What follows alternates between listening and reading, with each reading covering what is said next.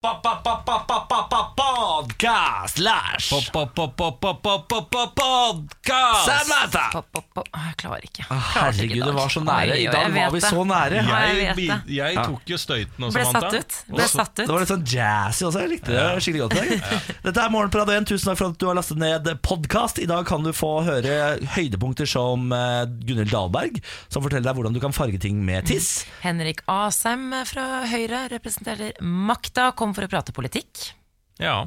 Hva vil du trekke frem som høydepunkt, Lars? Ja, Er det Quiz, det kanskje? min? Eh, høydepunktet Ja, nei, quiz var ikke noe særlig høydepunkt. Dere er ikke så gode. Altså, jeg, jeg vil si at kanskje høydepunktet er eh, ja, samtalen før eh, Gunhild Dahlberg, når vi snakker med Gunhild Dahlberg Ja. om at hun ikke liker Bjarne, hunden din. Det var et høydepunkt som skjedde i studio, i Ja. hvert fall. Fordi at eh, Niklas er veldig veldig, veldig glad i hunden sin. Superglad. Klarte at det- ikke å skjule skuffelsen. verdens beste hund, og så kommer det en som ikke er så glad Ja, i hund, og okay. da ble Niklas Baarli Ja. veldig veldig, veldig Ja, trist. ja. Fordi at hunden er jo verdens okay, beste. ja. Supertrist. Ja, en liten tåre som Ja. kom ned i øyet på Niklas Baarli. Ja, vi setter på podkasten. Morgen på Radio 1. Eksplosiv økning av veggdyr i Norge. Jeg gjentar eksplosiv økning av veggdyr i Norge. Det er jo helt forferdelig. Kanskje noe av det ekleste jeg Ja. kan tenke meg.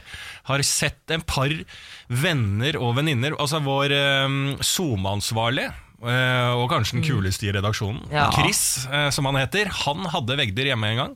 Og vi har sett et bilde av det. Det kunne vi kanskje lagt ut på Instastory og spørre han. han Men da var det så rød, eh, og det så helt forferdelig ut. Sånne bitt. Det, ser, det blir jo Det så ut som han hadde truffet av lynet. Ja. For det var, altså, det var sånn rød, sånn helt tydelige sånne merker nedover kroppen hans. ja.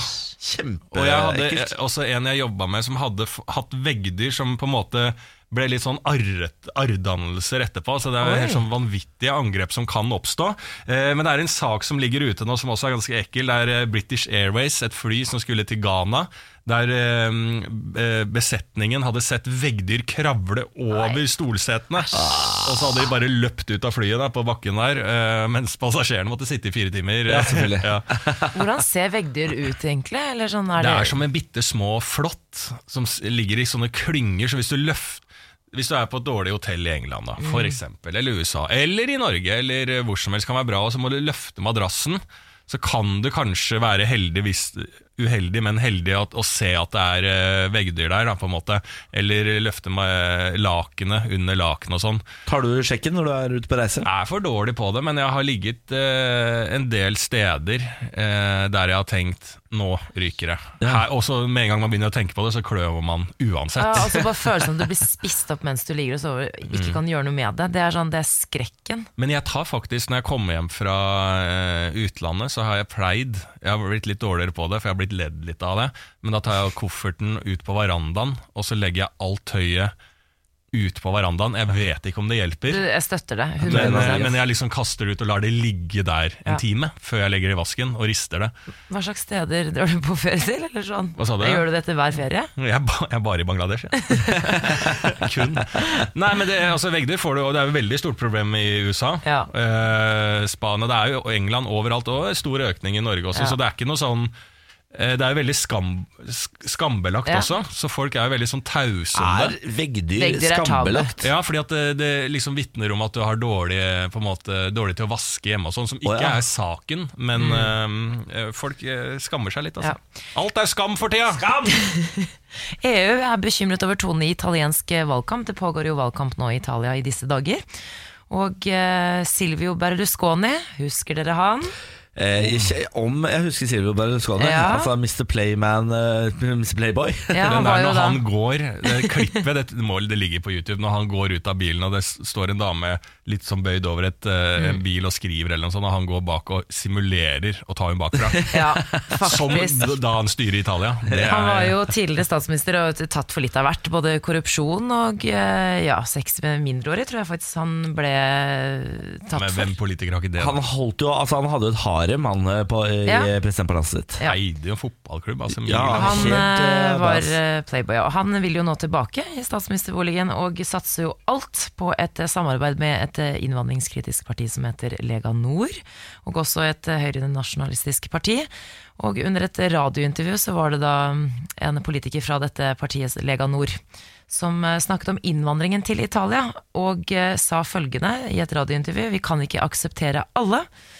Eh, hvis vi godtar alle, vil det bety at vi ikke lenger er oss, som er et etnisk faktum. For de er flere enn oss, og de er fast bestemt på å okkupere dette landet. Altså, deres hvite, altså sier han, vår hvite rase er truet. Åh, de er der igjen, da. Ja. Det er jo ja, det er dessverre ikke sjokkerende. Da. Det er alt overalt. Vi snakka litt om Tyskland. eh, Opposisjonen der er jo eh, veldig høyre, eh, høyrevridd. Altså alt Hele Europa. Men har ikke Italia en ganske uheldig historie med dette? Jo, så det er jo øh, Mussolini, da, sin tid med fascismen og hele Altså Ikke at jeg kan alt om det, men det, var jo, det er et gufs fra, fra fortiden. Det kan man jo si.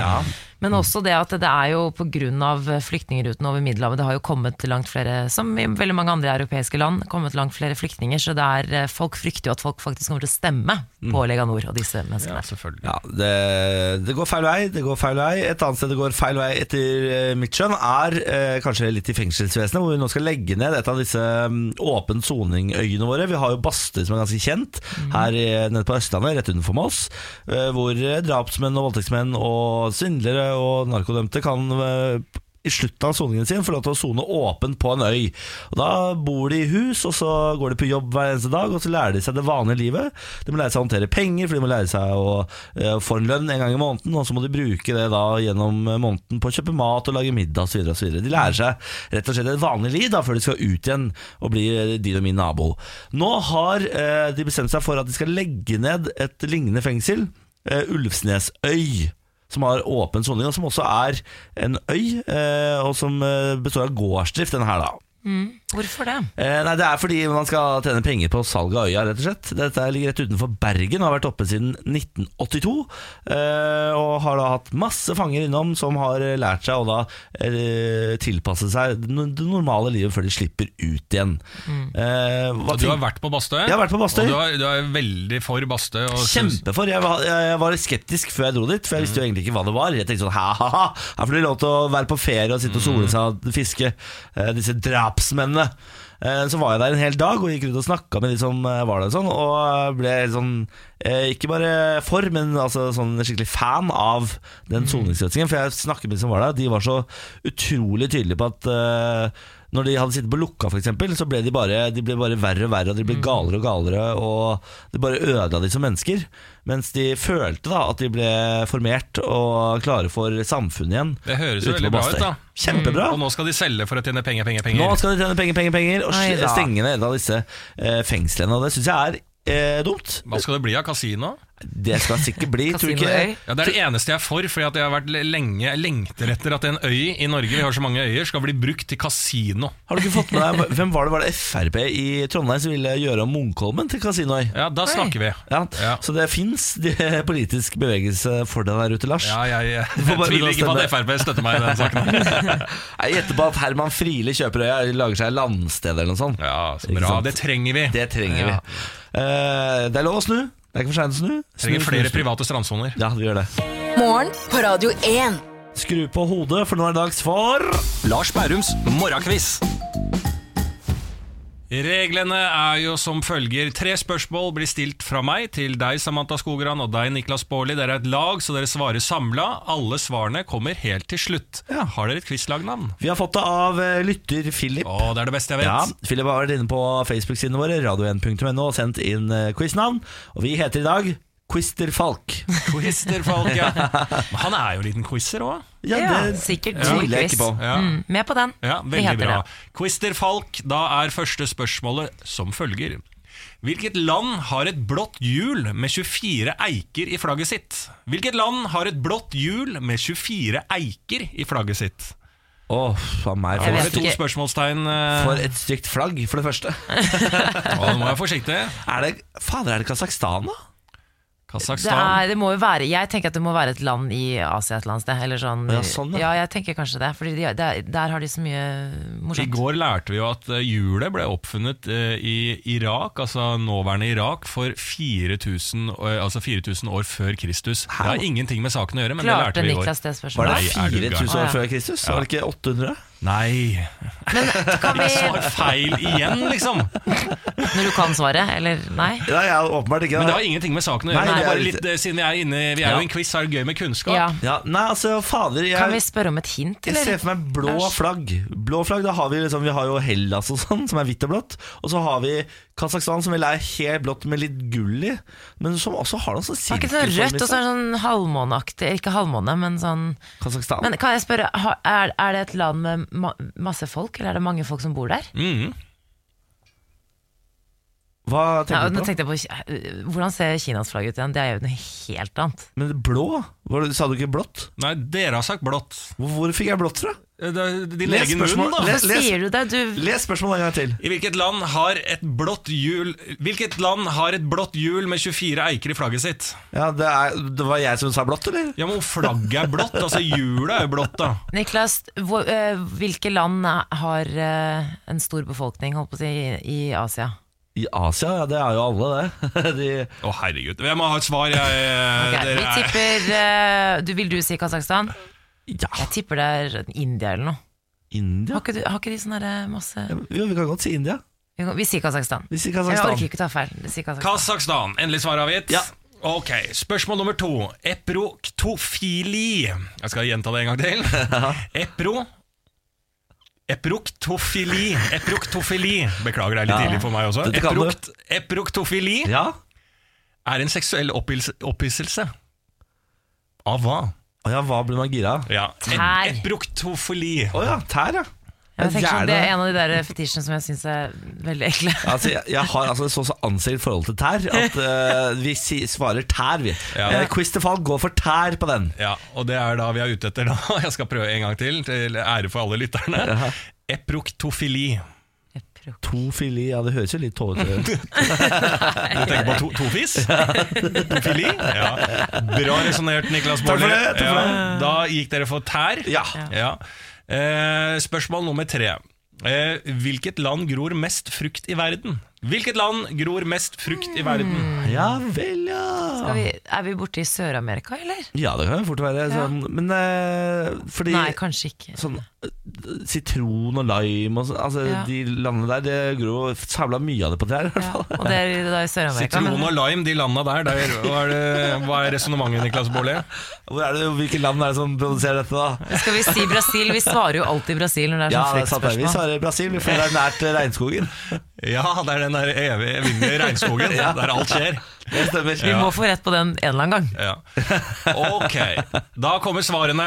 Det er bare å nyte det, for her er spørsmål nummer én. Det var hvilket land har et blått hjul med 24 eiker i flagget sitt? Der Ja. svarte dere Kasakhstan. Ja. Men helt på tampen så var dere innom si India. India. Fader, Og altså. hvordan er det det indiske flagget ser ut da, poeng. folken? Ja, vi får Det er jo oransje, og så er det hvitt, og så er det grønt. Men inni det hvite i midten så er det jo et blått hjul med 24 eier. Nei, dere kan ikke juble. Dere svarte Kasakhstan. Ja, ja. Null poeng. Feil. one point.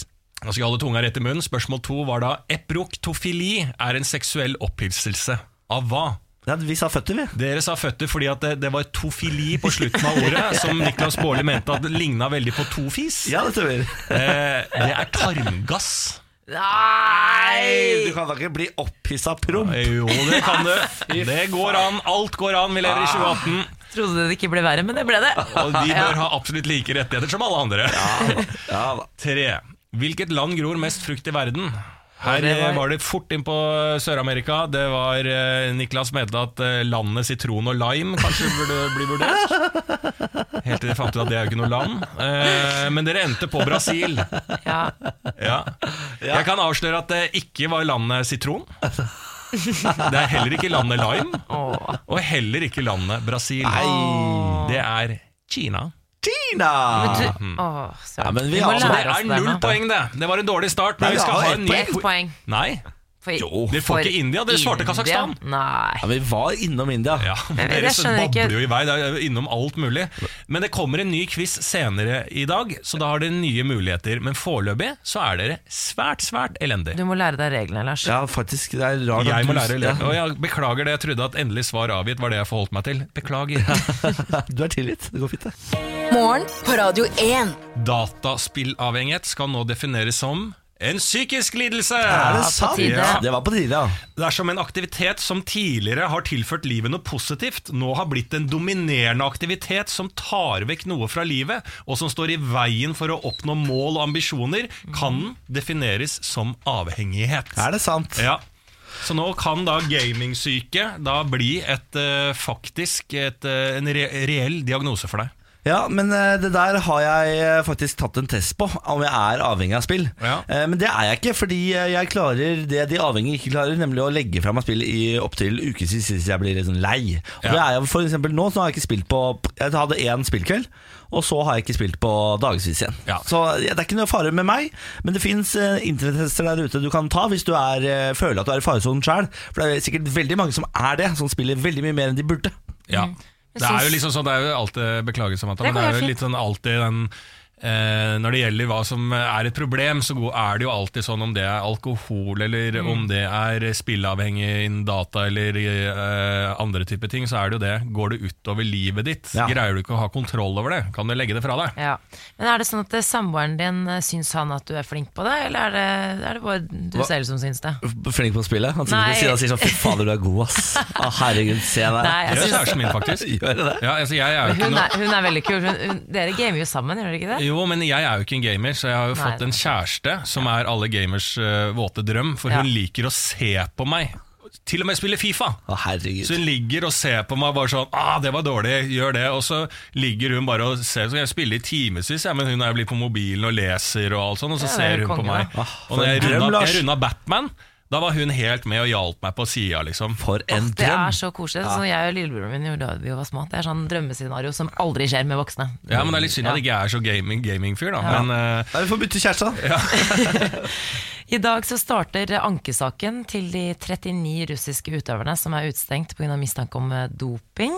Utøverne var jo eh, noen av disse her de 1000 utøverne som ble tatt i den McLaren-rapporten. tusen? Eh, ja, det var Tusen, ja. i hvert fall 1000 involvert, Å, i hvert fall. mm. Mhm. Som er mistenkt for å ha benyttet seg av et eh, statsstøttet russisk dopingprogram. Blant andre Aleksandr Lekov og uh, Vyleksjanin. Det er jo skiskyttere, langrennsstjerner, ja, russere.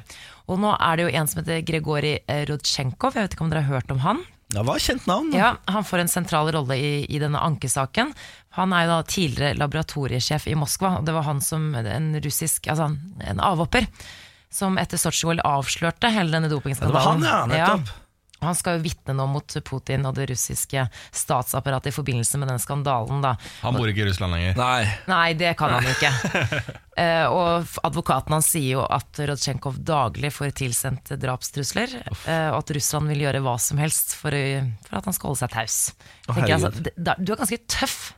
Eller gæren, da. Han kan virke litt smågæren nå. Det er tøff. Altså, det er, Ja, det er tøff, ja. alle sånne det er så tøff. Altså, er, jeg, jeg, kan ikke finne meg i nærheten av altså, Tenk hvor langt unna vi tre da er å noen gang gjøre noe sånn. altså, Vi er også veldig langt unna å ha den informasjonen. Altså, vi, er, vi kommer aldri til å være i den situasjonen at vi kan avsløre eh, systematisk doping eh, men hvis vi hadde hatt Putin. det, så tror jeg ingen rundt dette bordet hadde tatt og bretta opp erma og liksom sånn Jeg tar kampen. Nei, det, Jeg hadde oppretta. Båreleaks.org hadde jeg oppretta, og så hadde jeg flytta inn i en eh, i en ambassade. Og så hadde jeg kjørt på. Ambassaden i London. Ja, det hadde jeg gjort. Men altså, disse utøverne prøver jo nå på en måte å komme seg fri, da, for de har lyst, til å er utestengt på livstid, får ikke delta i noen ting. Men eh, jeg vet ikke. Jeg syns, jeg syns han er tøff, han Rotsjenkov. Ja, jeg syns jo Putin burde bare ordne livet til de som er utestengt her. De bør jo bare få liksom, eh, 50 mil hver, og så kan de leve livets glade dager og vite at eh, Putin fucka de over. Men det er ingen som tror på det i Russland, vet du. Nei, selvfølgelig Nei, ikke. Eh, vi skal til eh, København nå, for der har en nordmann sagt at han brukte 4700 kroner på dansk strippeklubb. I realiteten så ble han trukket for 53 000 kroner på visakortet sitt. Eh, mannen avviser kjemperegningen eh, og sier at han våkna dagen derpå og tenker sånn her har jeg blitt lurt. Eh, han eh, sier til Finansklagenemnda at han brukte 400 kroner på kortet sitt. Eh, det tror de ikke noe på. Nei. Eh, uvedkommende må ha klart å observere koden da han selv brukte debitkortet like etter at han ankom nattklubben, mener klageren. da Eh, Han mistenker at noen nappet kortet og la det tilbake før han forlot stedet. Men det, det minner meg om en sak jeg personlig hadde i mitt liv i jula. Der jeg eh, endte, var på et julebord eh, der det starta tidlig med shots. Eh, Hvor jeg ble så full at jeg var en slags Gollum når jeg kom hjem til kjæresten min.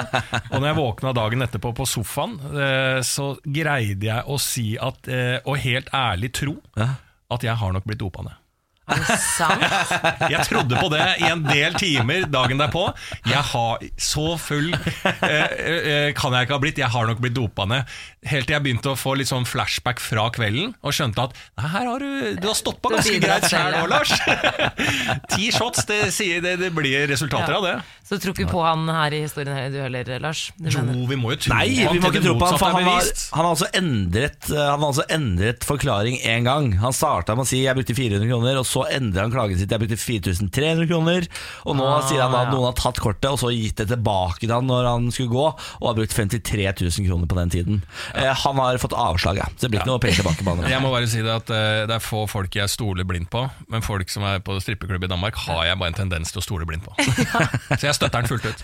Det er fint det, Lars. Da, eh, da er det to mot én. Lars er på din side, kjære strippemann. Morgen på Radio 1. Jeg trenger eh, råd og hjelp og vink fordi jeg har eh, bestemt meg for å ta påskeferie. Eh, har innsett at alle hytter man kan leie, er eh, utleid. Ja, folk er tidlig ute. Altså, folk er, eh, I påsken, har jeg skjønt, da er man, må man være, ligge et år i forkant. Ja. Eh, det er, er ikke jeg. Det er, Nei. påsken er begynner å nærme seg, og eh, hyttene er ute. Så hva i alle dager skal jeg gjøre da i påsken? Göteborg. Göteborg? Ja, ja, ja. Kjempested. Det jeg mener uh, usleppen perle. Ja, for du er, du er veldig glad i Göteborg. Dette Ja, vet vi Han var på teambuilding der eh, for litt siden. Du, jeg og Samantha og resten av gjengen. Eh, og da sa du sånn her, er- du, altså, du, du var lommekjent. Det var som om dette var din hjemby. Ja, ja, mye bedre enn uh, Stockholm. Ja, det var så gøy, for du sa sånn Stockholm er helt ute nå. Er, Stockholm er veldig sånn i fjor. Göteborg er det nye. Ja. Hva, Jeg syns du skal eh, unngå byferie. Jeg syns du skal pakke singleten din og dra til Thailand. Jeg har ikke noe singlet, det skal jeg love deg. Jo, det har du. Du har har det. snakket om det. Jeg har det. Jeg var tøff med meg. Ja. Thailand, ja! ja, jeg tror du hadde likt deg sånn i varmere strøk og kost deg litt der. Jeg var i Thailand for noen år siden. Jeg var helt konge, det. Ja. Eh, Ladyboys all over the place. Ja, tenkte jo ikke på det. Jeg tenkte mer på varme og hygge, da. Men ja. Det Mm. Chang øl, Ja. Ladyboys, Ja. en strand, noe sånn eh, flamme, flammeshow på stranda der. Ja. Ja. det er deilig. Eh, hvis eh, du der ute har et bedre forslag enn Thailand eller Gøteborg, Gøteborg er helt uaktuelt for øvrig. Så kan du jo gjerne melde oss da på radio1.no på Facebook. Eh, jeg trenger gode tips, nå som alle hytter er utleid. Husk at det er bikkje, da. Jeg kan ikke ha med bikkja til Thailand, for eksempel. Jo. Bjarne kan få seg en liten bikini. Bjarne. Ikke noe problem med hunder i Göteborg. Vi skal uh, si hallo vi til dagens eh, første gjest, som er Henrik Asheim! Hallo! Høyremann, stortingspolitiker. Uh, er det noe mer? Playboy? Ja, gjerne. Gjerne ikke, det. ikke akkurat nå, tror jeg. Nei, ikke, Nei. ikke nå om dagen. Nå er du hypp på å være en firkanta, kjedelig fyr høyrepolitiker. som aldri går på nachspiel. Ja, det er vår faste eh, person her, da. Fra makta. absolutt. En gang i uka så kommer du innom for å forsvare avgjørelser. Ja. Eh, må forklare ting vi ikke forstår, og så videre og så videre. Og så videre. I dag intet unntak, gitt. Nei, gitt. Forrige gang du var her, så var jo ikke regjeringskabalen lagt ennå. Da var, eh, var man veldig sånn i stuss på hvem som skulle få hvilke ministerposter. Eh, VG hadde jo kastet ditt navn inn i dansen når Ja, du kom ja, til. Kunnskapsdepartementet. Ja, ja. Sånn ble det ikke. Sånn ble det ikke, gitt. Eh, var det en tung dag? Det var veldig veldig tungt. Uh, men jeg blir, man blir jo veldig sur, så man begynner å legge ut dritting på Twitter og gjøre sånne ting. Eh, Du har alias, ikke sant? Ja, jeg har et alias, selvfølgelig. bare, bare har hetset Jan Tore Sanner i Ja, sammenhengene nå. Mm. Jeg skjønner eh, Jeg har hørt eh, rykter om at eh, det, vers, eller det, ryktes at du skal få deg en ny jobb. Ja, men Dette her snakket vi om forrige gang òg. Det er alle disse ryktene om hvem som skal hvor. Og Det er jo sånn som man gjør som politiker, men eh, jeg også har sett de ryktene. Ja. Du har sett de ryktene? Ja. Ønsker du å kommentere de ryktene? Nei, jeg vil Grassheim, ikke kommentere fra rykter. Høyre? Jeg kommenterer ikke rykter. kommenterer ikke rykter. Nei, Men for, for lytteren som ikke vet om ryktet, så er jo ryktet at eh, så vidt jeg har forstått, at det er en eh, finanskomiteens leder Ja. har blitt med i departementet. Ja, Nikolai Astrup har blitt Ja, bistandsminister. Nikolai Astrup, ja. Ja. ja jøss. Den rikeste politikeren vi har. Ja, Det er sånn typisk sånn drittpresse. Men det mener jeg. Altså, bare at Nikolai, du kan si mye. Nikolai Astrup er kjemperik, ja. Men han er jo også en veldig flink politiker som har blitt bistandsminister. Sånn, å, så gøy at eh, Stortingets rikeste skal hjelpe verdens fattige. det er ikke noe, har jo ikke noe med hverandre å gjøre. Nei, jo, ja, men han kan ikke gjøre noe med fattige, da. Han er så rik sjøl. Ja, ikke sant? Skjønner jo ingenting. Men du Henrik, vi har jo fått en Jeg lurte litt på det. Eldreminister. Ja. Hva, er det, hva er det hun skal gjøre? Altså, jeg skjønner at det ligger i navnet, men hva er det egentlig hun skal gjøre? Nei, hun skal jo da jobbe med ikke sant? Fordi Eldrepolitikk er jo ikke bare eldreomsorg, det skjer jo i kommunene for det meste. Altså Hun kan gjøre mye på det òg. Men Hvem det er handler hun jo også igjen? om eh, Åse Michaelsen, heter hun. Fra Frp, FrP. Frp i Agder, Vest-Agder. Satt på Stortinget i forrige periode. Men, men det er jo også for det at vi har ganske mange eldre som ønsker å jobbe mer enn de gjør. Altså Mange som faktisk går av med pensjon, men opplever at de egentlig har mer å gi. Mm. Og det å være en talsperson for den gruppen også tror jeg er ganske viktig. Er, er det, for det høres så fint ut når du sier det sånn. Eh, det er sant, mange vet som går av med pensjon som har, har mer å gi, men det er vel også veldig mange som går av med pensjon som absolutt ikke har lyst til å jobbe videre, som nå Ja. kanskje får sånn dytt i ræva for å Burde du ikke holde på litt til? Pensjonene er ikke så gode. Du Nei. trenger mer penger. Det er der vi må klare å ha litt sånn nyansert syn. Fordi det finnes helt riktig det finnes folk som for jobber i omsorgsyrker som er veldig slitne når de er 62-63. Ja. Uh, og Der har vi et system som gjør at de kan gå av og få en skikkelig pensjon. Men så må ikke det bety at alle som er 65, nå er du ferdig. Uh, og det finnes jo, Vi har jo en som nå har kommet inn på Stortinget som vara, som er 81 år gammel. Er det sant? Astrid Nøkkelby Heiberg. Eh, Hun, har vært, eh, hun er psykiater, eh, og har da, når hun fylte 70, så måtte hun slutte som psykiater og bli konsulent, som hun sa. Starte sitt eget firma og bli leid inn til å fortsette å gjøre jobben sin. Men når du er 81 Ja. og blir valgt inn på Stortinget, tar man noen tester på å bare sørge for at her er systemet 100% Nei, og det er jo veldig veldig viktig med norske folkestyre. At det er folket som bestemmer hvem som sitter på Stortinget. Jeg mener jo at den eldreministeren da, Ja. den bør jo ha fokus på at eh, for nå i, sånn i bre- bre- brexit og Trump og alt sånn, det er jo eldre velgerne som driver og fucker opp verden her nå med miljø og alt sånn. Så jeg mener, jeg håper at den ansvarsoppgaven går inn på å uh, lære de eldre. Verdier, liksom? lære verdier, lære om miljø, at det faktisk er en eh, Det finnes noe som heter miljø. Eh, og lære at liksom sånn Det er eh, eh, Barna deres syns det er greit at det kommer noen innvandrere inn her. Eldreopplæring, det Ja, du tenker på. eldreopplæring! Det burde vært tittelen. Men det er også, det er helt riktig, det kan du fort være enig i. For Brexit for eksempel, også så du at det var de eldre som stemte Storbritannia ut. Ungdom ville ha dem der. Men det de eldre gjorde, var jo å gå og stemme. Sånn at Ja. du må jo også stemme selv, da, hvis du Ja. mener at du skal ha noe å si. Godt poeng. Vi skal eh, snakke mer med deg, Henrik, eh, etter hvert. Og da skal vi snakke om eh, ditt eget parti Høyre, for der koker det om dagen. Dere har jo seila opp som verstinger når det kommer til metoo-kampanjen i det politiske miljøet. Ja. Eh, Så det får vi ta mer om etter hvert. Morgen på Radio 1.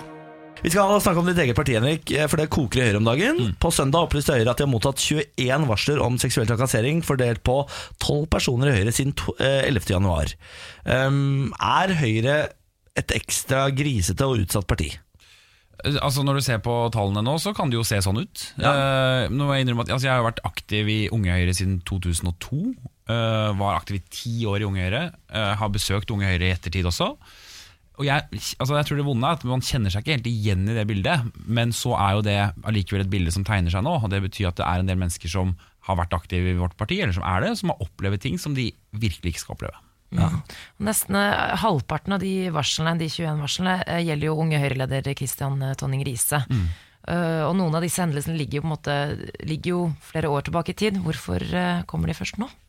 Det er en av de tingene vi virkelig lurer på. Jeg så Torbjørn Isaksen er ute i Dagens Næringsliv i dag også og sier at det er mange som har dårlig samvittighet. Og det tror jeg man kan kjenne seg litt igjen i. Fordi én ting er at det har, det har vært ett eller to eller noen sånne varsler som har kommet inn som ikke har blitt håndtert skikkelig. Men veldig mange har jo kommet etter at dette ble en sak. Og Det betyr at det er ganske mange som har sittet hjemme og lurt på om det har vært riktig det de har opplevd, eller om det, var, om det er noe de burde ha sagt fra om, og som nå har gjort det. Og Det er veldig vondt, for det betyr at det er unge mennesker som skal være trygge, ha det fint, og som har opplevd ting som gjør at de rett og slett nå varsle fra. Det er veldig bra at de varsler fra nå, men eh, det skulle vært gjort med en gang. Men eh, det- veldig mange lurer på er jo hvordan i alle dager er det mulig at Erna Solberg, Høyre-leder, ikke har fått vite dette når det tross alt er såpass mange saker. da Mm. hva har, dere, har dere rett og slett bare ikke rutiner i Høyre som er gode nok? Altså Erna har vel selv sagt at hun burde fått beskjed om det da det ble en sak i stortingsgruppen. Eh, Men det er et poeng at en partileder kan ikke vite alt. Ikke sant? At Høyre har 30 000 medlemmer. Eh, Alt som skjer skal jo håndteres av partisekretæren og sånne ting.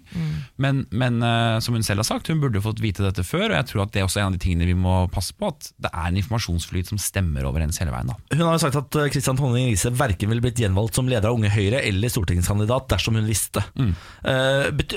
betyr, dette at Kristian Tonning Riise nå sitter på Stortinget og kommer til å fortsette å sitte der? For man, det å gå av Stortinget det er jo en ganske lang prosess. Det er eh, nesten helt umulig. Ja. Eh, Og Grunnloven er veldig tydelig på det. Så han kommer til å fullføre sin periode der. Ja, Gjør han det? ja altså Selv det hvis det blir alvorlig sak. For det er jo en sak som han har vært ute Det skal jo også sies da han har vært ute og kommentert at dette kjenner han seg ikke igjen i. Som er da en eh, eh, eh, sex med en 16-åring som hun var full mot sin vilje. Eh, beskrevet fra henne, tror jeg. Mm. som han også har gått ut og sagt at dette mener han ikke stemmer. Da. Mm. men hvis det blir sånn eh, politisaker og sånn, sitter de fortsatt på Stortinget?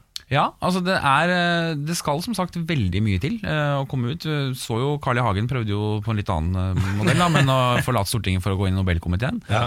Poenget er at idet folket har valgt en på Stortinget, så skal det egentlig Altså Du kan selvfølgelig ta ulønnet permisjon og forlate Stortinget på den måten, men det å miste plassen din på Stortinget, det skal ekstremt mye til. Men vi burde jo bli opplyst om dette når vi velger, som jeg. Som egentlig At det står eh, sånn som det gjør på andre typer ting når man eh, kjøper og velger i butikken. At det, det er ikke noe angrerett. Altså, det bør være sånn der, det bør stå klart ifra. Ja, er, ikke det, er ikke det også eh, nesten et eh, demokratisk problem? At folk som det viser seg har ganske mye eh, uren fortid, får lov til å sitte der ut perioden? Man burde jo eh, finne en annen løsning på det.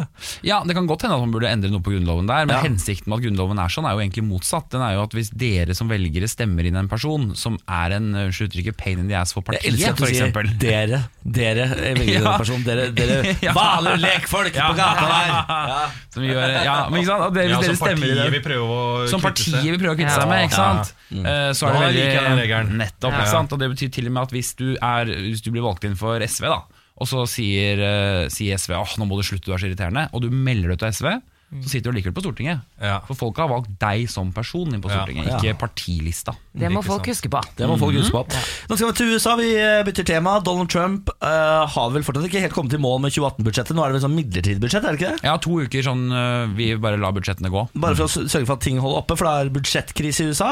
Eh, som følge av dette så har altså statlige ansatte ikke fått lønn, og offentlige kontorer har vært stengt siden lørdag. Ja. Hva er det som foregår borti USA der nå? Det som skjer nå er, altså For det første så er dette et tegn på et politisk system som ikke fungerer optimalt, kan du si. Fordi jeg tror at Hvis i Norge, hvis vi sto, det var desember, budsjett, ingen hadde vedtatt noe budsjett, så ville man funnet ut av det. Det er jo fordi vi også har flere partier som gjør at man kan finne ut av det. Her er det bare to partier, og de må bli enige for å få det til. Trump vil ha penger til muren sin Ja. mot Mexico.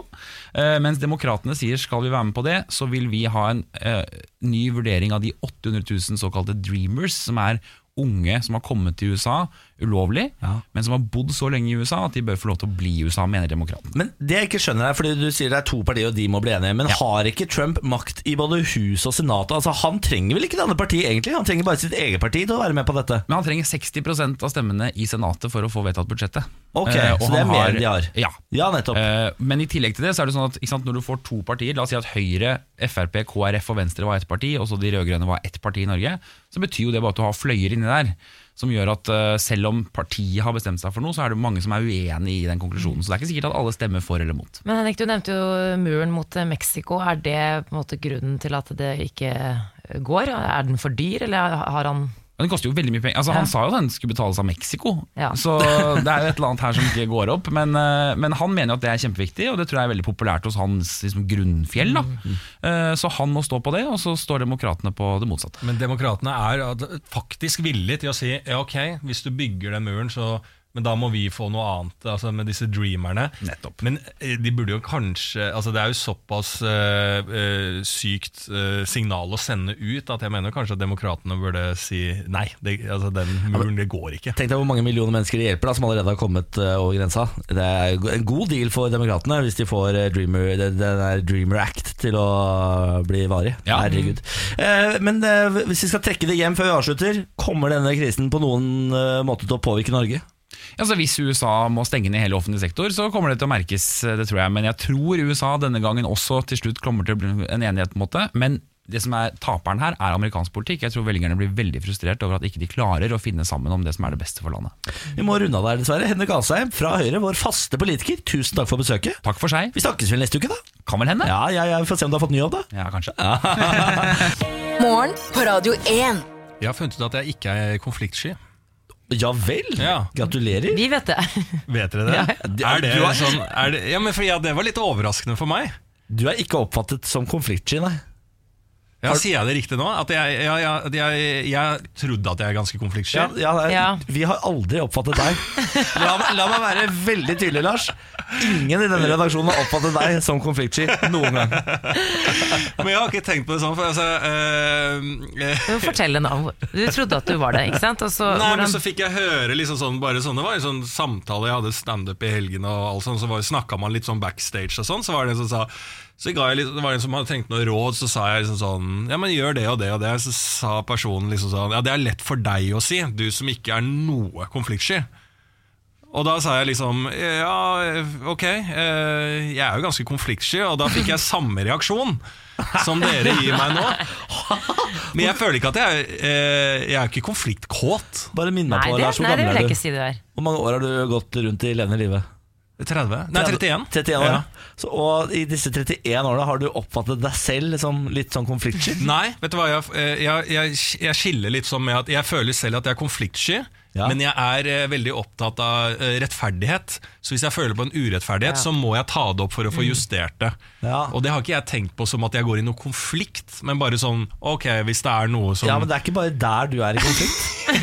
Det er, for du, du kan gå i konflikt på Ikke bare uenighet, så er du der. Ja, du Ja. Mener, Så ja. du mener at jeg er konfliktkåt? Ja, ganske. Nei, jeg, synes, jeg er uenig i det, faktisk. Jeg, du er ikke konfliktsky, Lars. Eller jeg oppfatter deg ikke som det. Jeg synes heller ikke, Du, du er ikke en type som starter krangler. Det syns jeg ikke. Jeg søker ikke krangler. Nei, det gjør du ikke. Men jeg Det tror du også det er liksom både og at eh, Hvis du har en klar mening, så sier du fra. Men også det at eh, den rettferdighetssansen Den tror jeg også er ganske sterk. Jeg tror du sier ifra på vegne av altså, moralen, da. Ja, ja, det er, altså, det er, jeg har ingen tvil om at du også tar de kampene. Også de kampene. Da er du bare redd for at jeg skal gå i strupen. men, men hvis, hvis vi opplever en diskusjon, f.eks. vi tre i trioen, mm. hvor vi er uenige, så er det ikke du som sitter stille på siden og venter på at denne diskusjonen skal gå over. For det er konfliktsky. Det er konfliktsky, ja. Ja, det er jeg kanskje ikke. Nei. Eh, Niklas, du er konfliktsky. Jeg er konfliktsky. Du konfliktsky. Er du det? Ja, ja, veldig. Ja, det, det, er kjempe, det er veldig gøy, faktisk. Gøy at du har funnet ut av det, Lars. Jeg var jo på tur eh, i helgen, som dere vet, i Anterselva for å heie på kjæresten min Emil. Han gikk jo verdenscuprenn i skiskyting. Faen, Du er så global. Emil. Hegle Svendsen. Ja, eh, Flott fyr. Det var jo en flott norsk helg, og eh, fikk jo sett eh, to renn. Og eh, dette er jo femte eller sjette gangen jeg har vært med eh, på verdenscuprenn i utlandet. Og det jeg hadde glemt, var eh, jeg, jeg vet, Ja, dere vet jo kanskje det, at jeg blir veldig nervøs når jeg sitter og ser på hjemmefra. Altså når det er renn. Og tingen med skiskyting, det er jo så spennende. Alt kan jo snu. Altså, du kan være, det kan se så bra ut, og så kommer siste skyting, og så bare kjempebom. Femteplass. Jeg tror ikke jeg hadde orket å stå der de skyter som kjæreste. Nei. Det tror jeg ikke jeg hadde hatt øh, nerver til. Ja, takk. Det er nettopp det jeg skal snakke om. Fordi én ting er å sitte hjemme i sofaen og, vite, og heie og vite at ok, det her kan gå til helvete. Men å stå sammen med 20 000 tilskuere, og i tillegg, eh, noe jeg også har glemt, er jo at det er jo sånn kutyme at det blir jo helt stille når eh, utøverne kommer på matta og skal skyte, for, for, ut av respekt da, for utøverne. Oh ja, blir de stille, ja? Det blir helt stille. Oh ja. Så det er 20 000 mennesker. Ikke jubel når de treffer òg. Jo, det gjør de jo. Men da må Men det være sier- på For det er jo så mange som skyter samtidig, så du kan ikke juble hele tida. De jubler ofte sånn, det kommer an på hvem som er alene. Hvis Farkad kom inn alene, så jubler de faktisk for han også. Ja. Men det er sånn, de jubler jo mest for tyskere. Det er jo Ja. det, som, det er de de heier på mest. Men så det er liksom ikke bare det at eh, de jubler, men når de da bommer, så kommer det sånn sånn kollektiv sånn åh, sånn sukk. altså, det er helt, jeg tenkte på det, at jeg, jeg, det er faktisk Pulsen min var så høy hele helgen, og til slutt så jeg gjemte meg på do. Den siste fellesstarten på søndag, for da var det sånn alle startet jo likt. Og da ledet jo Emil Land etter to skytinger. Ja. Eh, var oppe i teten der med en eller annen tysker, eh, før han bomma litt, da. Eh, Ja. Kom seg opp på en sjetteplass til slutt, så det var jo greit. Men det er sånn grusom lyd, sånn åh. Ble det noe medalje på Emil i helga, eller? Nei, det ble ikke det. Ingenting. Men han gikk, eh, en, han fikk et dårlig utgangspunkt, men gikk seg veldig opp og var kjempeflink de to andre dagene. Hva slags toalett er det du gjemmer deg på? Er det en Hibas-løsning? Det, det er sånne ord som er der. Ja. Men jeg var inne på en restaurant, så jeg gjemte meg Ok. inne der i fem-ti minutter. For da er du nervøs altså når du velger en Hibas-dass eh, overfor nydelige omgivelser i Og de er ganske fæle der nede. Ja, ja. ja. Jeg la merke til at typene blir omtalt som Super-Emil i avisene. Er Ja, Super-Emil tilbake eller noe sånt? Ja, det er, men det er sånn gammelt kallenavn, tror jeg. Å ja, sier du det? Ja. Eh, Jeg har eh, oppdaget et nytt problem i dag. eh, Eller eller et nytt parforholdproblem. Eh, Dere pleier jo å hjelpe meg med disse ganske ofte. Eh, I dag, Jeg står opp veldig tidlig fordi vi starter veldig tidlig på jobb. I dag så hadde kjæresten min bestemt seg for at han skulle stå opp like tidlig som meg. For han skulle trene. Ja, det er irriterende. Altså, er, Fins det noe mer irriterende i verden? Jeg har følt meg som en ener. Altså, Jeg har følt meg som en stjerne som har klart å stå opp tidlig uten problemer. Jeg har ikke vært trøtt, ingenting. Kommet uh, meg opp, uh, tatt med bikkja på jobb. Vært så jævlig god i dette parforholdet. Bare se på meg, det er ikke noe stress å tilvenne seg en ny jobb og sånn. Og så står han opp faen meg like tidlig for å trene! Men det er ganske tidlig. Tidlig, ja. Det er og, ikke så, sunt. og så fikk jeg melding. eh, for, eh, sånn eh, nærmere sju. Og da tenkte jeg sånn Nå skulle han sånn Åh, off, nå er jeg trøtt og skitten og sånn. Så, så får jeg en melding sånn Herregud, det er så deilig å stå opp tidlig tidlig for å trene. Dette skal jeg begynne med hver dag. Å, herregud. Men du, det jeg syns er kanskje mest øh, øh, irriterende med den historien, er sånn jeg og kjæresten min har alltid stått opp forskjellige tider, men de gangene hun liksom øh, ligger og slumrer, slumrer, slumrer på klokka, for hun skal stå opp tidligere enn meg, og så øh, sover jo jeg til da jeg skal stå opp, og da står hun opp. Så vi må bruke badet samtidig. Altså, så hun, går oppå meg i rutinene. på badet, fy ja. faen, altså. Da er jeg altså eh, De fleste drap skjer i heimet, kanskje? Jeg vet ikke. Det er godt du ikke er konflikt... Eller konflikt eh, Ja, men så er jeg så konfliktsky, vet du. Så jeg trekker meg bare tilbake Jeg, jeg trekker meg tilbake til så soverommet og sier. Kjæresten min, nå kan du gå først, sier jeg. Morgen på Radio 1. Nå skal vi forbedre oss fra forrige gang, Samantha. Vi har hatt quiz tidligere i dag. Da fikk vi null korrekte. Nei, vi fikk ett poeng. Ja, Nei, Lars null påstår null. Nå skal vi prøve oss igjen.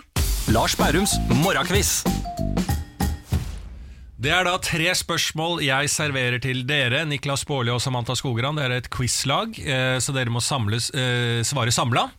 eh, svarene får dere helt til slutt. Har dere et quizlagnavn? Ja visst, fader har vi det, og vi har fått det fra Anders, som har vært på Facebook-siden vår og sendt inn på radio1.no. Anders skriver Kristiansand Nudel og Wok. ja, det var, den var bra. Ja, Kristiansand Nudel og Wok heter vi Ja, i dag. vel, ja. Perfekt. En liten språklig uh, lite stiss. Ja, ja. Eh, er det noe som falt i smak hos Samantha Skogran? Jeg syns det var kjempesøtt. Jeg. Vi tar det. Likte det. Dere tar det? Ja. Det er da quizlagnavnet deres. Da går vi på første spørsmål. Nå må dere eh, holde dere for øya med en gang. Lukk øya, hold dere for øya. Ja. Kjempebra, for dette er et litt artig spørsmål. Dere sitter jo foran et tastatur, skjønner Ja. dere. Eh, spørsmål nummer én er faktisk da hvilket, hvilken bokstav står lengst til høyre på nederste rad på et vanlig tastatur? Å, fader. Hvilken bokstav står lengst til høyre på nederste rad på et vanlig eh, tastatur? Jeg, må, jeg har jo M eh, i, M-N. i navnet. Og jeg tenker SA Det er alltid bort Ja, nå står det dere og gestikulerer med øya igjen her. Prøver å finne ut Ja, men jeg, Se jeg tenkte på navnet mitt. Sett der?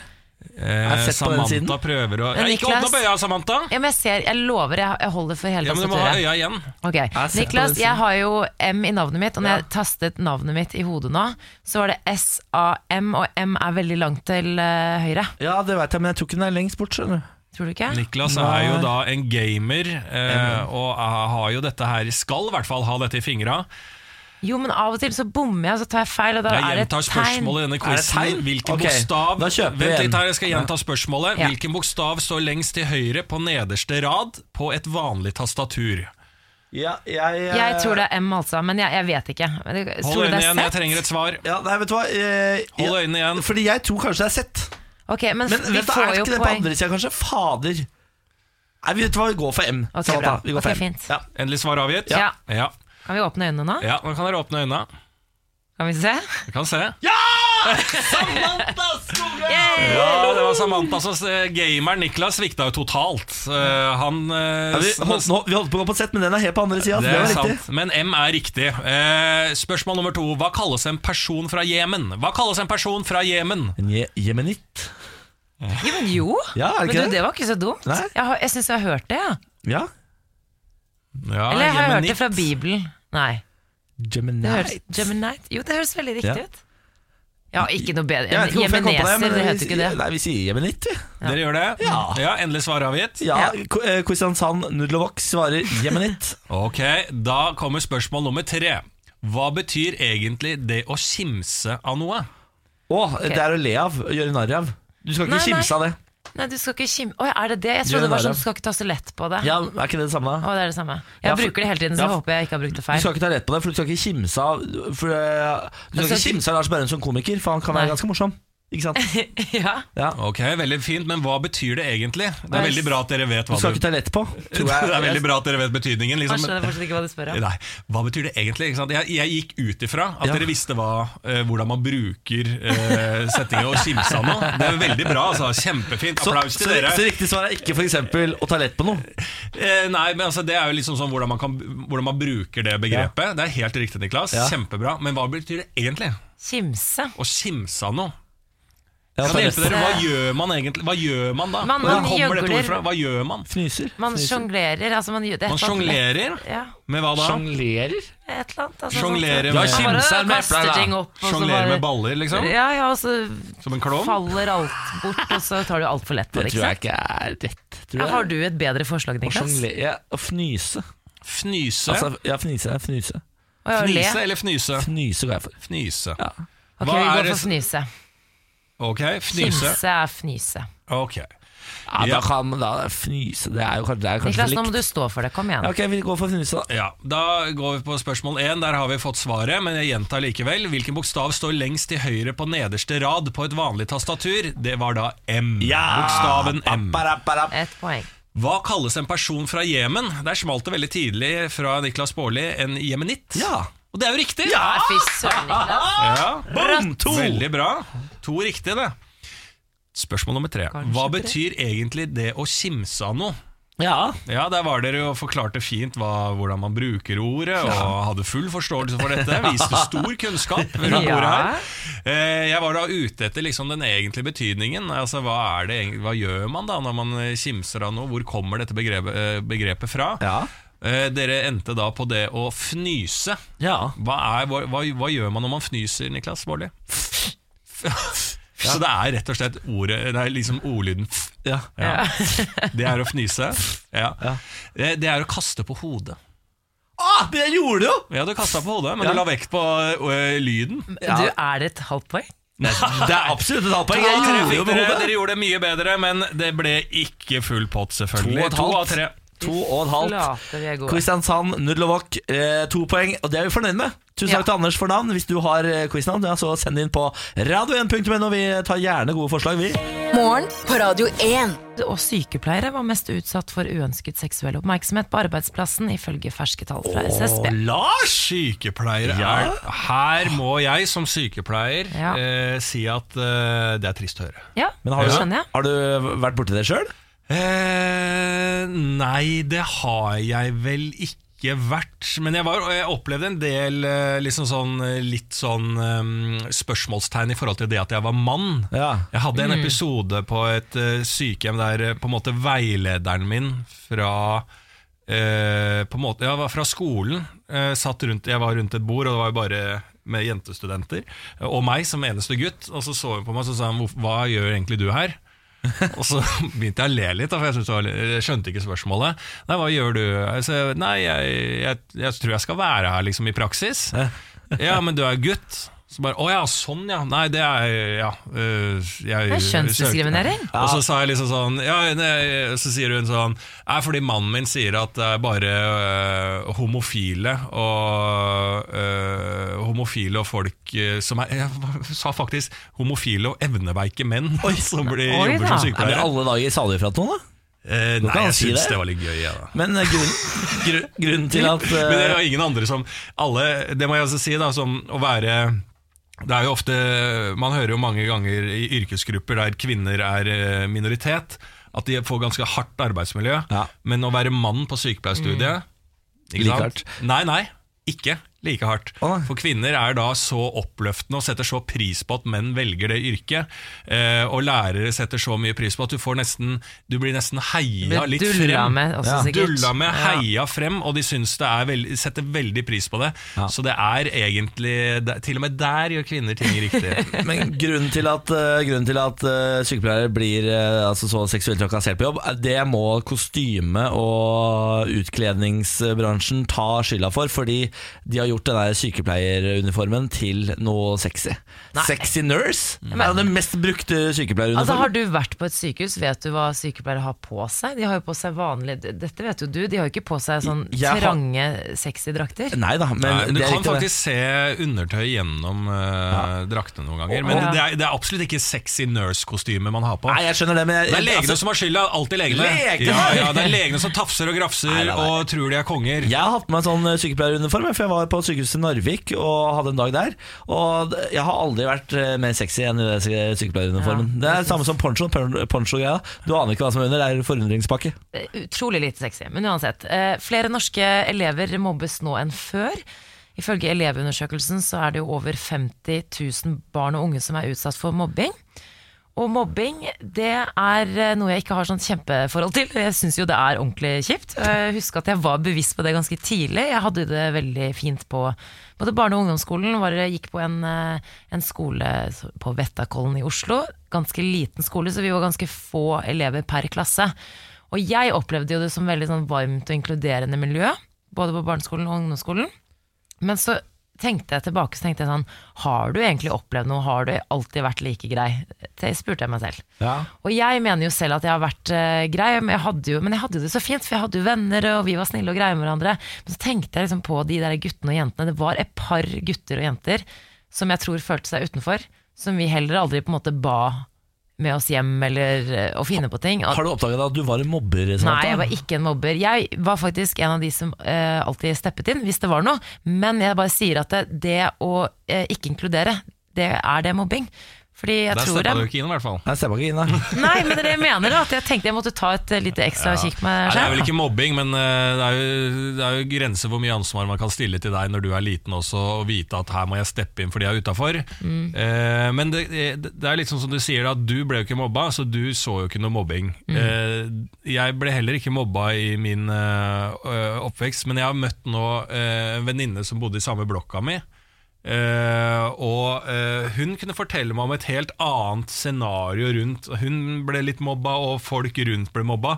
Som er jo folk jeg liksom husker godt fra klasse og alt sånt. Som ikke, jeg har ikke fått med meg det i det hele tatt. Så selv om man ikke selv opplevde mobbing i klassen og tror at man har vært i et fint miljø, så kan det være eh, kjipere for andre. Absolutt. Jeg eh, har innsett at jeg eh, ikke forstår mote. det kommer kanskje som et sjokk, men jeg, nå, hadde jeg en ny runde hvor jeg er på internett og leser en av disse sakene hvor det har vært sånn motevisning nede i Frankrike, og så ser jeg bilder fra catwalken og tenker jeg sånn dette, øh, så ble ble jeg provosert, så ble jeg irritert. Og så jeg sånn, det her er jo bare makkverk. Altså, eh, mote, sånne catwalk-visninger, det er altså kongens nye klær. Og nå har jeg sett, eh, nå har jeg sett Uggs som har vært på moteuken i Paris. Keiserens nye klær eller kongen? Keiserens nye klær. Er det ikke det? Var det kongens nye klær? Jeg har bare hørt om keiserens. Du sa kongen. Sa jeg kongen? Ja, ja, ja, da Det sier vi bra. keiser da jeg, jeg har sett bilder fra Uggs under moteuken i Paris og nå har de fått sånne høye lårhøye Uggs.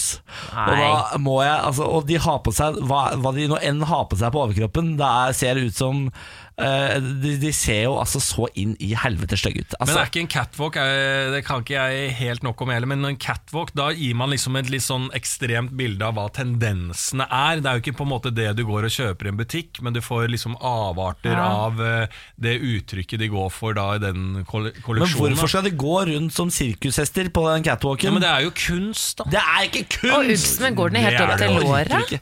Hæ? Går den helt opp til låret? Ja, ja, helt opp. Helt Altså, liksom Altså, bli vanvittig svett. Altså, Se på de greiene her. Len over og se på de Ja. stygge greiene her. Det, det er sånne posete, Ja. høye Jeg forstår meg altså ikke på det, og jeg orker ikke å forholde meg til at dette skal være mote. Og jeg mener Når man må legge ned motebransjen, så må man bare produsere vanlige klær. Helt det også, da. vanlige ting. Ja, man legger legge ned motebransjen, sier jeg. Ja, men uten mote så kommer ikke genseren din. Den du har på deg nå. Ja, du klarer å produsere en helt vanlig grå hoodie uten motebransjen. Jeg er ikke så sikker. Ja, det tror jeg. vi- Jeg tror vi har nok grunnlag jeg nå til å flyte på vanlige klær her, herfra ut. Morgen på Radio 1. God tirsdagsmorgen. God tirsdag. Tirsdagsmorgen. Ja, så hyggelig. Vi har jo fått en gjest i studio. Ja, programleder Gunhild Dahlberg er på plass. God morgen, Gunhild. God morgen. Du er førstemann til å hate bikkja mi, som er med på jobb hver eneste dag. Studiohund Bjarne. Gud, jeg fikk, jeg fikk vondt i magen. ja, Men eh, hvem er det som skal ha dårlig samvittighet eh, sånn objektivt sett? Er det gjesten som blir skremt til vettet, eller er det programlederen som tar seg til rette? Ja, jeg, skal, jeg kan si dette som en observatør, da som Ja. jeg har blitt eh, sendt inn i dette mikkbakka. føler jeg. Fordi at Her har vi jo en studiohund som heter Bjarne, som er Niklas Baarli sin hund. Eh, programleder Gunhild Dahlberg kommer inn som gjest og er ikke så fan av hunder. Sier dette som første gjest. Sier du det? Ja. Eh, og jeg ser allerede For Niklas Baarli får jo bare skryt for hunden. Ja. Bare skryt, Og hver gang hunden gjør noe dumt eller forstyrrer et møte, så sitter alle bare Åh, Mens Niklas Baarli ler og koser seg og kjærlighet i blikket. Ikke sant? Eh, eh, eh, så idet du sa det, så ser jeg bare i blikket på Niklas Baarli Ja. at Ja. han hater deg nå, Gunnhild. Ja, altså, jeg har- veldig Ja. dårlig start som gjest. Ja. eh, Eller veldig uproff programleder. Ja. Ja, men- Beklager på vegne av Ja, ja, altså, jeg programmet. har møtt Gunhild Dahlberg flere ganger, og vi eh, har jobbet sammen før. Og jeg elsker egentlig Gunhild Dahlberg. jeg. Jeg ble jo slått på gata også en gang jeg var på lufta Det er sammen riktig, ja, med deg. men g- gal, gammel dame. Vi har vært, Hvem mye, var- sa- vært gjennom mye sammen, egentlig. Ja, det, Og så kommer de hit og hater sønnen min. Det synes jeg er eh, Og da vil jeg bare fortelle, jeg har sett ungene dine på sosiale medier. Hater de òg. Nei, Oi, da er det, ikke, det er ikke barna mine, for jeg, de er ikke på sosiale medier. Ja, ja, det er. Da er det noen andre som Så det var løgn, du skulle bare hevde deg, Det er Niklas. Men, du, men vi har jo heldigvis to andre programledere her, så hvem er jeg på god fot med dere to? Ja. Ja. Er dere backer meg? Ja, altså, du kommer kanskje eh, Vi har ikke, jeg har ikke, vi har ikke møttes hverandre veldig mye. Vi har aldri møttes edru før. Nei, jo, kanskje på Flytoget en gang. Men du, du, kan- du var kanskje dritings? ja, Det vet jeg ikke. Jeg husker ikke at vi gjorde det. Men eh, i hvert fall, eh, jeg, er veld- jeg liker deg mer nå enn jeg noen gang har gjort. Fordi at jeg liker jo hver gang Niklas eh, blir satt litt på plass. Motstand. Liksom, får litt Ja. motstand. Ja. Det er en, en liten hobby jeg har. Så det å se et litt trist blikk, eh, en lite tåre komme fram Det er ikke trist, det er, det er reint hatt. Ja. Og hva med deg, Samantha? Hvor har vi hverandre?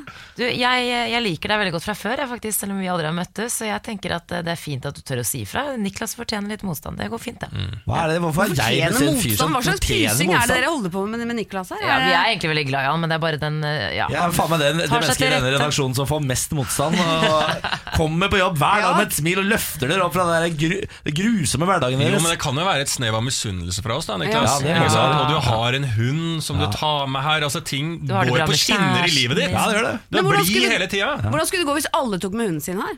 Ja, Det hadde gått kjempebra. Bjarne Ja. elsker andre hunder. Bjarne er verdens beste hund.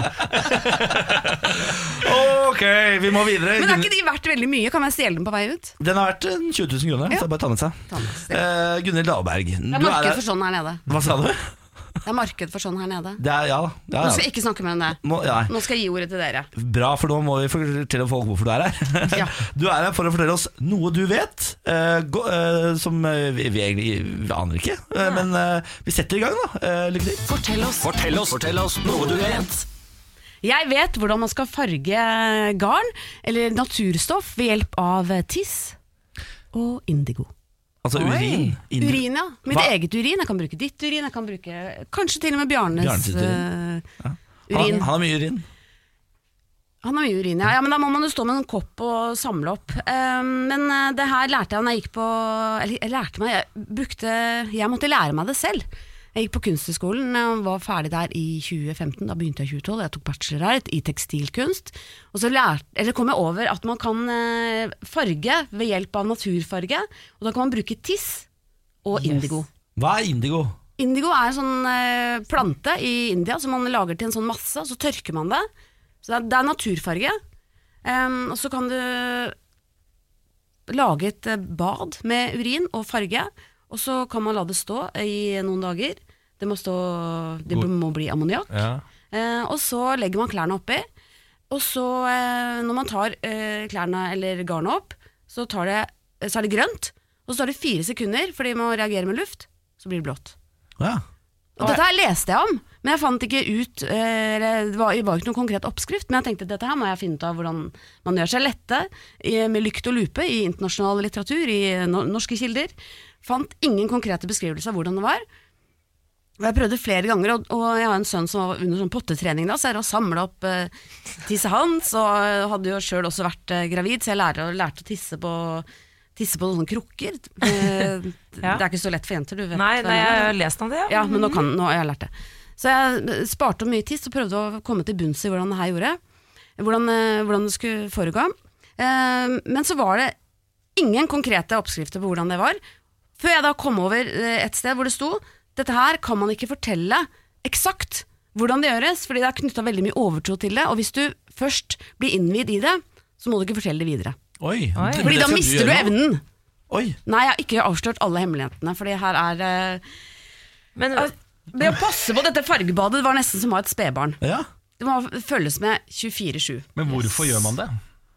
Kan man ikke bare bruke vanlig, vanlig farge? Godt spørsmål.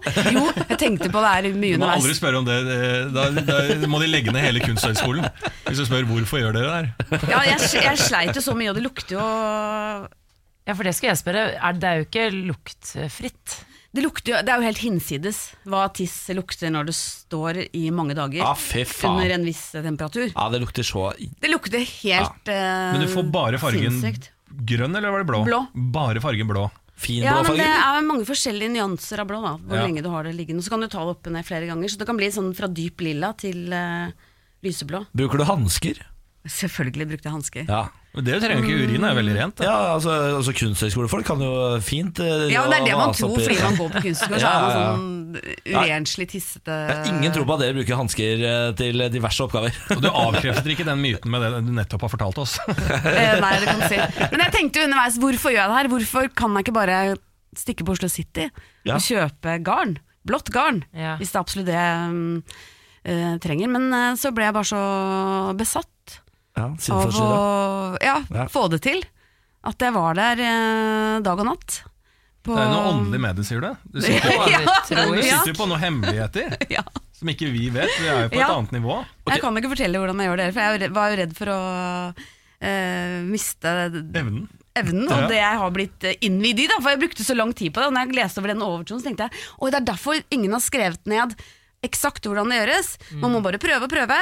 Og når jeg da fikk det til, så ble jeg nesten rørt. Og læreren, eh, den ene læreren på tekstillæreren var og så inne på fargeriet. Hun, hun visste at jeg hadde slitt med det her lenge, og det stinka jo litt ut forbi dørene også. Sånn at eh, hun var der og så at jeg tok opp det garnet fra bøtta, og det var grønt, og så sto vi bare og så på, og så ble det blått, og så bare fikk det til! Herregud, du fikk det til! Og da var det jo applaus fra de to andre som var der. F eh, Før vi runder av, Gunnhild, så må vi bare sånn at eh, de som hører på dette, kan ta dette med seg videre i livet. Hva, hva er utstyrslista? Hva er det man trenger for å prøve å finne dette det, magiske blå? Du trenger eh, indigo. Det kan man kjøpe på en sånn hobbyforretning, eller Ja. kanskje en god hobbyforretning. Eller du kan bestille på nettet. Eller så kan man bruke en norsk-europeisk plante som heter veide. Jeg ikke, det har ikke jeg brukt, men jeg- det kan man få få tak i i Norge. Og så lage den, indi, den blå massa sjøl. Så trenger man en, en del tiss. Kanskje fem, fem til ti liter, da. Oi. Og så, ja. Ja. Og um, så trenger man jo Oppskriften. oppskriften, ja. Det er som en stavkirke, ikke sant, som aldri har skrevet ned, bare muntlig overlevert. ja. Ja. Og føle seg litt fram, og så trenger man jo garn eller natur. Noe som ikke er farga fra før, da. Vi må dessverre avrunde der. Du får uh, Nei, men jeg må si noe mer. Ja, du, da må du Det er jo lang rask. tradisjon. Det, her er, det er jo derfor det heter potteblått. Ja. Fordi man brukte potte før, og blåmandag. Man brukte farge på mandager. Ja. Fordi at da hadde folk pissa i eh, bøtta etter å ha vært på fest. Samla opp hele festens tiss. Så her er egentlig en sånn utvidelse av en forlengelse av nachspiel, egentlig. Så det her er der uttrykket blåmandag kommer fra. Ja, helt riktig. Fy fader. Wow. Wow. wow. Wow. Gunhild- Dahlberg, tusen takk for at du kom med oss og fortalte om hvordan man kan farge ting blått med tiss. Var det hyggelig. Det er jo kunnskap jeg aldri kommer til å få bruk for, men det var veldig hyggelig å lære. Du vet ikke om Og ikke vær så vet. bitter pga. hunden. Ja. Jeg syns det var kjempebra, Gunhild. Dette skal jeg bruke, og jeg gleder meg til å få vite hemmeligheten. Ja, ja, ja, ja. Ha det, Gunhild. Gå, den, ta den andre døra på vei ut, for der ligger Bjarne. Ja. Ja. Jeg kan ta, hente jakka di ja, hvis du Nå er Ja, han slukket den bikkja. den er snill, vet du. Morgen på Radio 1. Nå skal vi i gang med noe som heter Hvis jeg forteller dere dette, så kommer dere ikke til å like meg lenger. Det er Samantha sin spalte. Og det er fordi eh, når jeg møtte Samantha, eh, så tenkte jeg sånn er det mulig å bli så perfekt, da? Eh, så jeg og Lars eh, kastet hodene sammen og fant denne spalten som gjør eh, sånn at Samantha må ripe opp sin egen lakk. Er det deilig? Er vi klare, Lars? Ja. Hvis jeg forteller dere dette, så kommer dere ikke til å like meg lenger. Ja, kjære kolleger, jeg skal fortelle om eh, noe som skjer i heimen eh, støtt og stadig. Jeg er jo veldig ryddig av meg, jeg er en organisert person som liker å ha det rent og ryddig hjemme. Det gir meg indre ro. Jeg liker det allerede mindre. Ja. Noen syns det er søtt, andre syns det er nevrotisk. Jeg liker ikke rot, kan fort bli stressa av det, og det at jeg er ryddig fører jo til at eh, jeg kan bli veldig sånn styrete hjemme, da. Og dette går jo naturligvis utover min eh, kjære samboer Emil.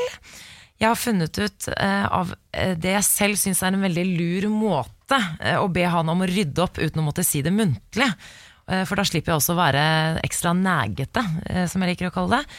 Hvis jeg syns at Emil har for mange ting liggende rundt i stua, en genser her, en caps der, hva som helst, så pleier jeg da å samle tingene hans i en liten bunke. Og så plasserer jeg det samlet et sted hvor det blir et hinder for ham.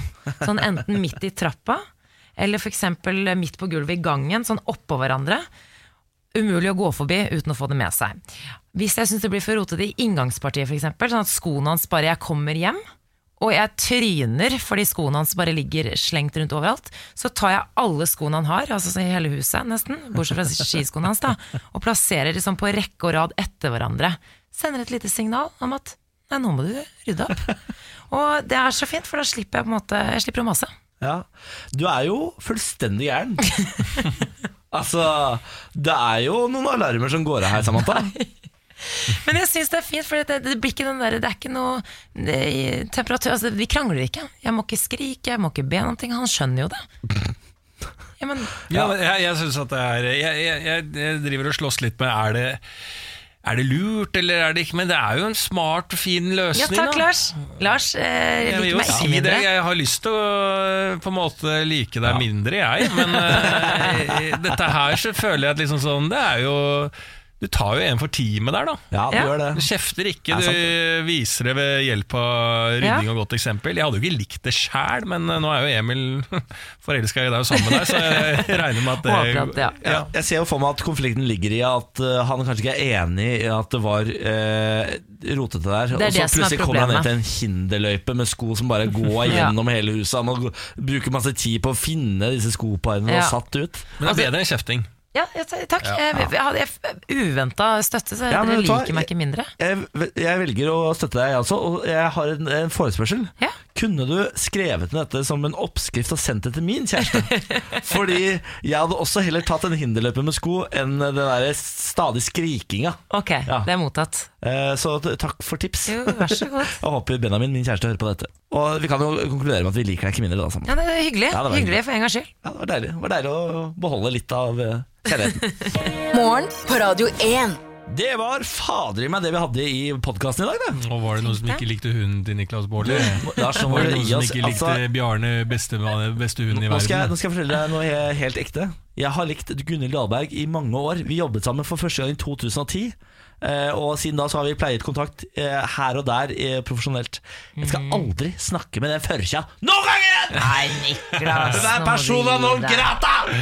Du skal Vi er aldri tilbake glad. til Radio 1. Vi er glad i Bjarne Vi da, Niklas. Vi, vi tøyser litt med deg, bare. Man kødder ikke med bikkja til Niklas Baarli. Det skal jeg bare fortelle deg først og sist. Ja, det er uten tvil. Takk for at du har lasta ned podkasten.